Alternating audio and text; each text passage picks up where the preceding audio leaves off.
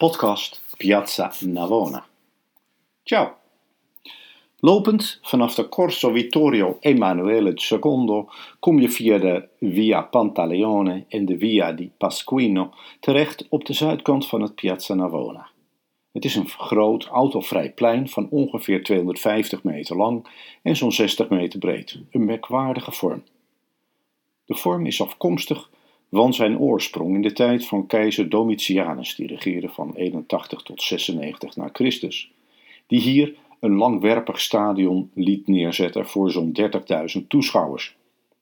De plek waar je nu staat was destijds de hoofdingang van het stadion, twee etages hoog, met erbovenop een groot standbeeld. Dat standbeeld is er niet meer, net als de vele andere standbeelden die het gebouw versieren, behalve het beeld van Pasquinus, waarnaar de straat is vernoemd waar je nu staat.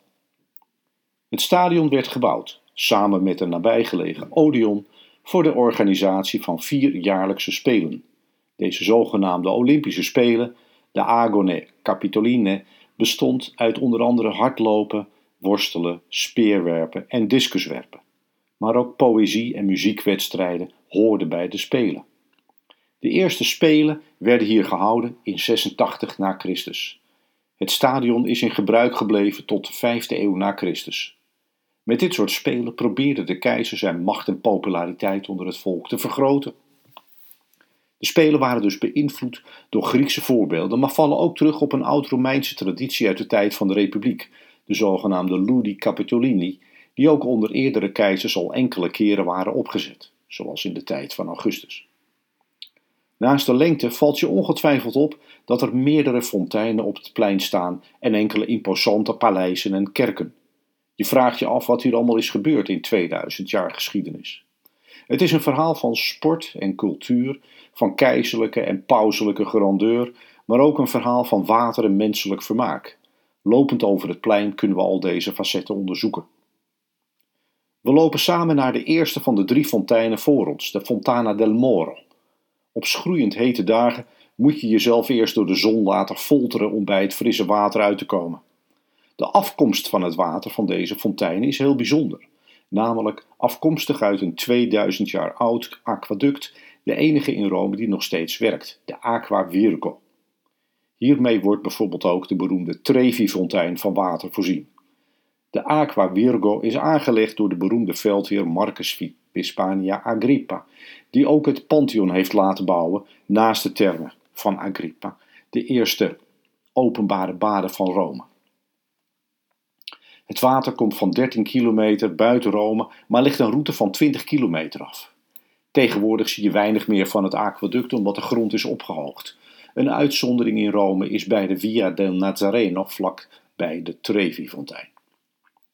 Aangekomen bij de Fontana del Moro vallen je meteen de vier Tritons op. Het stellen vier ondergeschikten van Triton voor, een zoon van de god van de zee, Poseidon.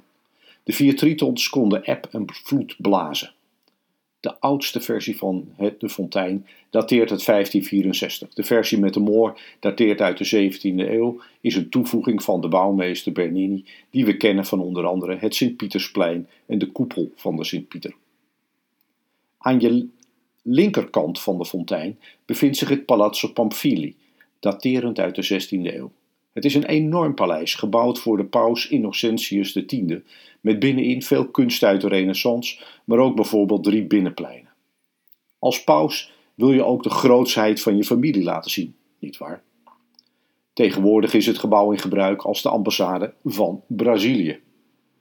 We lopen door naar de tweede fontein en zien links een grote kerk opdoemen met duidelijk barokke kenmerken. Het is de Santa Agnese in Agone. De 17e eeuwse kerk is gewijd aan de heilige Agnese en daarmee zijn we terug in de Romeinse tijd. De kerk zou zijn gesticht op de plaats waar de heilige Agnese een marteldood zou zijn gestorven. Een lot dat veel heiligen heeft getroffen. Heilige word je tenslotte niet zomaar. Agnese was een jonge vrouw van 13 jaar afkomstig uit de Romeinse aristocratie. Ondanks haar jonge leeftijd was ze al tot geloofsinkeer gekomen en had ze gekozen voor het christendom. Ze wenste geen relatie te hebben met de zoon van de prefect van Rome, waarop ze als christene werd vervolgd. Het vervolg was beslist onsmakelijk te noemen. Ze werd uitgekleed door de klanten van een bordeel, waarop ter bescherming haar haren begonnen te groeien als een soort, nou ja, beschermende laag. De eerste die toch probeerde haar maagdelijkheid te schenden, werd geëlectrocuteerd, waarop de andere terugdeinsde. Vervolgens werd tevergeefs geprobeerd haar te verbranden en uiteindelijk hebben ze haar keel maar doorgesneden. Na deze onfrisse berichten gaan we maar eens bij de tweede fontein kijken, de Fontana dei Quattro Fiumi, de vier stromen. Het is een fontein met in het midden een enorme obelisk. De fontein is ook al gebouwd door Bernini in de 17e eeuw in opdracht van paus Innocentius X, inderdaad van het Palazzo Pamphili. Maar was oorspronkelijk gegund aan de tegenstander van Bernini, Borromini. Aan de voet van de fontein ontspringen vier bronnen van grote wereldrivieren, alsof dit werk in het centrum van de wereld staat, de Axis Mundi. De vier rivieren zijn de Ganges, de Donau, de Nijl en de Rio del Plata in Zuid-Amerika. De obelisk in het midden is wel passend voor het plein. Deze is namelijk in 81 na Christus gebouwd voor keizer Domitianus, de bouwer van deze arena. De obelisk heeft in uh, Romeinse tijd op diverse plaatsen gestaan, maar was vervolgens omgevallen en is weer hersteld voor de bouw van de fontein. Paus Innocentius heeft uiteraard vervolgens enkele afbeeldingen laten toevoegen, als de duif met de vredestak. Het is zeker niet de enige obelisk in Rome. Enkele andere beroemde exemplaren vind je op de Piazza del Popolo en het Sint-Pietersplein, maar er zijn er nog veel meer. Goed, nadat we zelf hebben ontdekt welke beelden welke rivieren voorstellen, is het tijd voor wat stoerdere verhalen. Liefhebbers van films zoals The Gladiator of Ben Hur kunnen terecht op nummer 90, waar zich een klein gladiatormuseum bevindt. Allemaal maar het geeft wel een aardig beeld van de gladiatorenuitrustingen. We gaan niet naar binnen, dat bezoek kan je bewaren voor als je nog eens in Rome bent. Loop even wel een klein stukje het drukke straatje Corsia Agonale in naar nummer 10. Je ziet daar, terwijl hordes toeristen je omver proberen te lopen naast het roze stukwerk, een wat merkwaardig stuk van een gebouw. Dat is een deel van de oude tribunes van het stadion. We keren weer terug naar het plein. Ongetwijfeld ben je inmiddels al diverse keren aangeklampt door verkopers van allerhande prularia, een Japanse toeriste die je vroeg of je een foto van haar kon maken en tekenaars die grappig bedoelde karikaturen van je willen maken. Dat hoort erbij. Piazza Navona is altijd een levendig plein geweest. Van de 15e tot en met de 19e eeuw werd er op dit plein dagelijks een markt gehouden die tegenwoordig te vinden is op de Campo dei Fiori. In diezelfde tijd werden hier carnavalsfeesten gehouden. Er waren ruiterijtoernooien, maar ook typische Italiaanse feesten als La Cucagna. Daarvoor werd een hoge paal beklommen met bovenin een Italiaanse worst, een salami. Al honderd jaar wordt hier de Romeinse kerstmarkt gehouden, die eindigt op 6 januari met het kinderfeest La Befana. Dat feest laat zich het meeste vergelijken met onze Sinterklaas. Befana is een vrouwfiguur die het meest lijkt op een heks met een typerende bezem. En net als Piet komt ze de huizen binnen via de schoorstenen en geeft de snoep aan de lieverds en klappen aan de stouters. De lol kan niet op. In de periode van de 15e tot en met de 19e eeuw werd in de zomer het plein in het weekend onder water gezet door het afsluiten van de riolering. De adel liet zich vervolgens in koetsen door het water rijden, maar er werd ook wel gebruik gemaakt van gondels en kleine bootjes.